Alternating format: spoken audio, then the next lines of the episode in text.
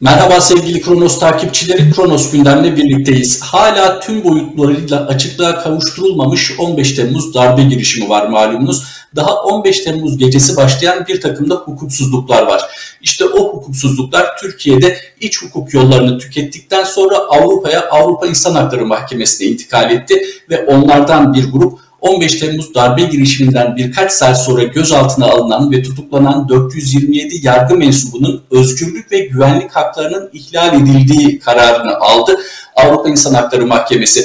Peki bu karar ne anlama geliyor? Sadece bir hak ihlalinin teyidi anlamına mı geliyor? Türkiye'de bundan sonraki gelişmeleri nasıl etkileyecek? Tabii ki çok daha önemli bir soru. Aslında Türkiye'de özellikle siyasi iktidar tarafından Avrupa İnsan Hakları Mahkemesi'nin bu kararı nasıl karşılanacak? Sürecin başından bu yana yani 15 Temmuz'dan bu yana aslında kamuoyunun da yakından tanıdığı isimlerin avukatı olan ve sürecin tam da içinde olan avukat Sayın Figen Çalıkuşu bizimle. Sayın Çalıkuşu hoş geldiniz.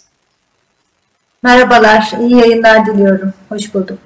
Çok teşekkür ediyoruz. Biz de size iyi çalışmalar diliyor ve hemen ilk sorumuzu soruyoruz. Avrupa İnsan Hakları Mahkemesi'nin kararı çok açık. Bu 427 yargı mensubuyla ilgili ki hemen Danıştay ve Yargıtay üyesi bazı isimlerin de bulunduğunu belirtelim. Bu hak ihlaline uğradığı tespit edilen isimlerin.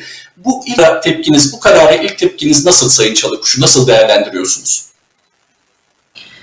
E, maalesef 15 e, Temmuz döneminde başlayan 15 benim 15 Temmuz yargısı adını koyduğum e, yargı düzeninin verdiği kararların hukuka, usule, evrensel hukuka uygun olmadığını ahim e, karar altına aldı, tescil etti. Özellikle de tabii yargı mensuplarının ve üst düzey yargı mensuplarının tutuklanma usullerinde e, bu kadar bariz yasaya aykırı yöntemlerin kullanılmış olmasına karar dikkati çekiyor hemen e, darbe kalkışmasının olduğu günün gecesinde e, gözaltı listelerine göre işlemlerin başlatılmış olmasının, işte tabii ki suçüstü hali olup olmadığının değerlendirilmesi geniş kapsamlı olarak kararda incelenmiş. İlk etapta 427 hakime savcı başvurusu için bu karar alınmış. E, tabii ki devamında e, benzer içerikteki diğer dosyalarda da bu yönde kararlar gelecek. Ee, benim tabii ki e, üzüntüyle karşılıyorum. Bir taraftan hukukçu kimliğimle üzüntüyle karşılıyorum. Kararın neticesi anlamında değil, yanlış anlaşılmasın. Hukukçu kimliğimle neden üzüntüyle karşılaşıyorum? Keşke yargısı, yargı bizim e, ülkemizde bağımsız olmayı başarabilseydi. Keşke e, yargıya, hukuka, e, hukuk mensupları, hukukçular eliyle bu kadar açık ihanet edilmeseydi ama hiçbir dönemde hukuk kandırılma aracı hiçbir dönemde olmasaydı. E biz bunu dönemsel olarak değişik kararlarla yaşıyoruz.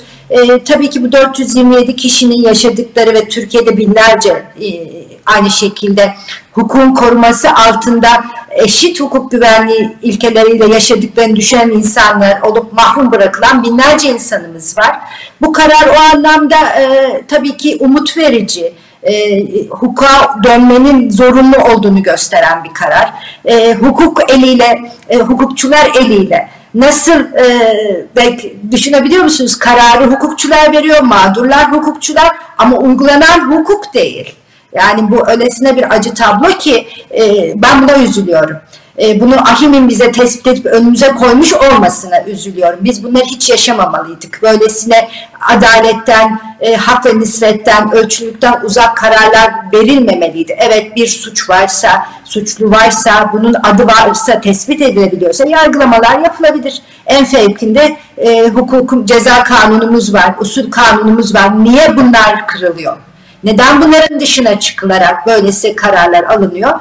E, ahim bizi bunun önüne önümüze getirip koyuyor. E, şimdi diğer taraftan baktığımızda dikkat çeken bir unsur da var. Türk yargıç da bu karara katılmış. E, bir takım şerhler koysa da işte kanunun HSK kanunun düzeltilmesi gerektiğini bildirerek bu karara katılmış. Oy birliğiyle alınmış. Yani kıpırdanacak hiçbir yanı yok artık bu kararın. Evrensel hukuk bunu kabul etmiyor. Bizim ülkemizde hukuka ihanet edebiliriz. Kendi sınırlarımız içinde algı yöntemiyle bunun çok fevkinde kararlar olduğunu söyleyebiliriz. Adalet Bakanlığı çıkar her gün Türkiye'de harika bir yargı sistemi var. Kimse yargıya talimat vermez diyebilir. Ama uluslararası sistem evrensel hukuku uyguladığı vakit bu algı oralarda yürümüyor. Bunu görmüş oluyoruz. Sayın Çalıkuşu siz bir hukukçu olarak hani artık tabiri caizse kıpırdayacak yer yok bu karara uyma noktasında diyorsunuz ama hani ben de bir gazeteci olarak size şunu hatırlatıyorum. Sizin tabirinizde kurulan 15 Temmuz yargısından önce de 15 Temmuz yargısı tesis edildikten sonra da bu ülkede çok şaşırtıcı isimler, çok şaşırtıcı yüksek mahkeme kararlarına saygı duymadıklarını, tanımadıklarını ifade ettiler. Ummuyorum ama size doğal olarak sormak zorundayım. Böyle bir tepki bekliyor musunuz siyasi iktidardan? Yani Avrupa İnsan Hakları Mahkemesi kararına dönük olumsuz bir açıklama bekliyor musunuz? Hayır, bakın daha önce Alparslan Altan kararında oldu biliyorsunuz. Anayasa Mahkemesi ve AHİM arasında bu yönde bir sıkıntı yaşandı. E, mümkündür yapabilirler. Artık ben bu ülkede olmaz dediğim e, hukuk adına, olmaz dediğim, çok yadırgadığım şeylerin olduğunu gördüm. Fakat artık e, nasıl diyeyim size Mehmet Bey, e, buna düzen yani yeryüzünün gidişi, gidişatı ve ülkenin şu anda yaşadığı durum. Yani ekonomik e, özür diliyorum adalet hem yoksulluk hem adaletsizlik birbiriyle yarışır oldu. Bugün Türkiye'nin tablosunu görüyorsunuz. Yani mümkün olmayan peşinden koşturulan bir dolar kuru var. E, bu, biz bunları niye yaşıyoruz? Sadece bakın enflasyon, faiz gibi iktisat bilimini reddeden görüşlerden ötürü de yaşamıyoruz. Biz bunları işte tam da bu kararlar yüzünden de yaşıyoruz. Öncelikle artık insanlar hep e, ekonomik yönünden bakarlardı. Hep tencerelerini, e, ceplerini düşünürlerdi. Ama şimdi bunu e, yaşadığımız bu yoksullaşmanın sadece tek bir sebebinin bu e, mad, e, mali ekonomik pro, e, nasıl diyeyim mali ekonomik dengesizlikler veya uygulanan alınan siyasi kararlar olmadığını da görmemiz lazım. Ben size şunu hatırlatayım. Mehmet Altan'ın kararına uyulmadığı zaman e, Moody's o gün puan kırdı. Dedi ki iç hukuka güven kalmamıştır. İç hukuka güven kalmamış olması ekonomik tüm sistemlerdeki güven unsurunu da zedelemektedir, yok etmektedir. Tam o tarih itibariyle Moody's e, notumuzu kırmıştı. Şimdi çok kolay değil böylesine e, yakıcı bir dolar gerçeği, böylesine çok ciddi bir yoksullaşma varken bu Avrupa Birliği kararlarını da tanımayalım. Yok faiz dedim demek çok ciddi bir sorumluluk. Ha yapabilirler mi? Bence yapmamalılar artık burada e, e, kıpırdayacak yerimiz kalmadı derken çember çok daralıyor. İşte dolar bugün 13 lirayı geçti. Ne yapacağız? Uymayalım bu kararlara, reddedelim uluslararası hukuk sistemini. E, 25 lirayı mı görelim? Yani bu halk buna dayanamaz. Bu halka acımak e, lazım. Bakın bu kararda e, her bir hakim için ben rakama ve itiraz etmiyorum, tazminata da itiraz etmiyorum ama dönüp ülke gerçeğine bakmak lazım. Her bir yargı mensubu için hakkı ihlal edilen yargı mensubu için 5000 euro tazminat deniyor. 427 hakim ve savcı için ben hesapladım önce baktım şaşırdım. E, 2 milyon 135 bin euro yapıyor. Bugün 30 milyonu geçmiş bir rakamı bu ülke insanı ödediği vergilerden ödeyecek sadece ve sadece hukuka ihanet eden yargıçların aldığı kararlar yüzünden. Biz böyle bir yönetimi hak etmiyoruz. Ve e, ihraç edilen hakim savcı sayısını düşünürseniz, arkadan bu kararların geleceğini düşünürseniz, bu ihlallere, insan hakları ihlallerine hem tabii ki bir insan olmamız e, e, sebebiyle yani e, muhatap olduğumuz insan hakları sebebiyle böyle yaşamamamız gerektiği sebebiyle zaten zaten izin verilmemeli. Ötesinde de bu ülke hem böyle hakları ihlal edilsin, e, fevkinde yargılamalar yapan bu adaletli yargıçlar tarafından insanlar özgürlüklerinden mahrum olsunlar, mesleklerinden ihraç edilsinler, KYK'lı olsunlar, bütün bir ailece e, ölüme terk edilsinler, sivil ölüme terk edilsinler. Hem de bu ülke halkı milyonlarca euro tazminat ödesin.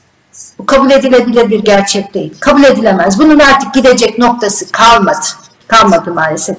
Bunu e, hem insan vicdanı hem dünya vicdanı hem bu toplumun vicdanı da artık kabul etmez. Önceden bu toplum bu işlere şöyle bir göz ucuyla bakıyordu. Kulağının kenarıyla şöyle bir dinliyordu. Ama artık öyle değil.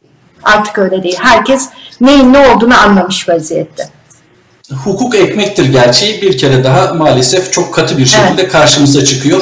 E, son olarak size şunu soralım Sayın Çalıkuşu. Avrupa İnsan Hakları Mahkemesi'ne de bu konuda özellikle başvurucular tarafından bir takım eleştiriler yöneltiliyordu ki siz de zaten ofisinizde büyük bir ihtimalle Avrupa İnsan Hakları Mahkemesi'ne intikal etmiş sayısız dosya vardır ve bekleyen dosyalar da vardır yine ahime ulaştırılacak. Oradaki eleştiri şuydu. Avrupa İnsan Hakları Mahkemesi iş yükü artmasın diye Türkiye ile bir şekilde koordineli çalışıyor ve işi ağırdan alıyor. Bu karar gösteriyor ki ne kadar ağırdan alınırsa alınsın sanki artık barajın kapağı açıldı ya da açılmak üzere. Siz ne diyorsunuz? Bundan sonra diğer başvuruların süreci hızlanabilir mi? E, hızlanacaktır. Ellerinde tabii ki artık incelenmiş, karar verilmiş bir e, case var. Ve arka sırasına gelen buna göre yapılmış başvurular var. Tabii ben zamanda ahime çok sitem ettim kendi dosyalarımda. Benim e, iki tane başvurum birebir aynıydı, benzerdi, çok benzerdi. E, Mehmet Altan'da verdikleri karar 2018'di. Tam da hatırladığım 20 Mart 2018. Ahmet Altan'da 13 Nisan 2021. 3 yıl bekledi. Yani ahimin e, siyasi anlamda meselelere baktığını biliyoruz, gördük. Bunu yaşadık. O dönemde biliyorsunuz başkanın nezdinde İstanbul'a ziyaretinde de çok tip, ciddi tepkiler göstermiştim. Ee, ama artık Ahmet Altan kararından sonra da demiştim ki ben 3 yıl beklendi, 3 yıl bir milattı. Bundan sonrasında bu diğer kararlar ardı ardına gelecek demiştim ve nihayetinde de işte bugün gördüğümüz karar da e, bunu benim sözümü te, teyit ediyor, doğruluyor. E, ahim aynı e, konsey pardon aynı yanlışlığı OHAL komisyonu kurarak da yaptı biliyorsunuz. Yani OHAL komisyonunun misyonu bu değildi ki. OHAL komisyonunun misyonu mağduriyetleri bir an önce e, adil bir kararla hızlıca sonuçlandırmaktır. E, ahim dönüp oraya da bakması lazım artık. OHAL komisyonunun burada işlediği anayasal suçlar az buz değil ve Kenan Evren Anayasası'ndaki gibi bir koruma zırha içinde OHAL komisyonu üyeleri. Ahim'den bu yönde de hızlıca kararlar çıkmasını bekliyorum açıkçası. Binlerce KYK'lı için. Evet bu kararla birlikte belki belirttiğiniz gibi olağanüstü hal işlemleri inceleme komisyonunda günün birinde Türkiye'de hukuk kendini bir şekilde gösterebildiğinde ahim makamlarına kadar taşınabilecek bir başka dosyayı teşkil edebilir. Sayın Çalıkuş'u evet. çok teşekkür ediyoruz bu ilk değerlendirmeleriniz için. Tekrar görüşmek üzere. İyi çalışmalar diliyoruz. Kolay gelsin. İyi çalışmalar dilerim. Hoşçakalın. Sağ olun. Sevgili Kronos takipçileri Avrupa İnsan Hakları Mahkemesi 15 Temmuz darbe girişiminden daha birkaç saat sonra gözaltına alınan ve ardından tutuklanan 427 yargı mensubunun özgürlük ve güvenlik haklarının ihlal edildiğini hükmetti. Haklarında tazminata da karar verdi. Peki Türkiye'de nasıl karşılanacak? Aslında bundan sonra nasıl karşılanacağı daha çok tabii ki hukukçuların ilgi alanına giriyor. Fakat siyasetin de ilginç tepkiler verdiğini biliyoruz. Kararın ilk değerlendirmesini avukat Sayın Figen Çalıkuş'undan aldık. Kronos gündemde buluşmak üzere tekrar. Hoşçakalın.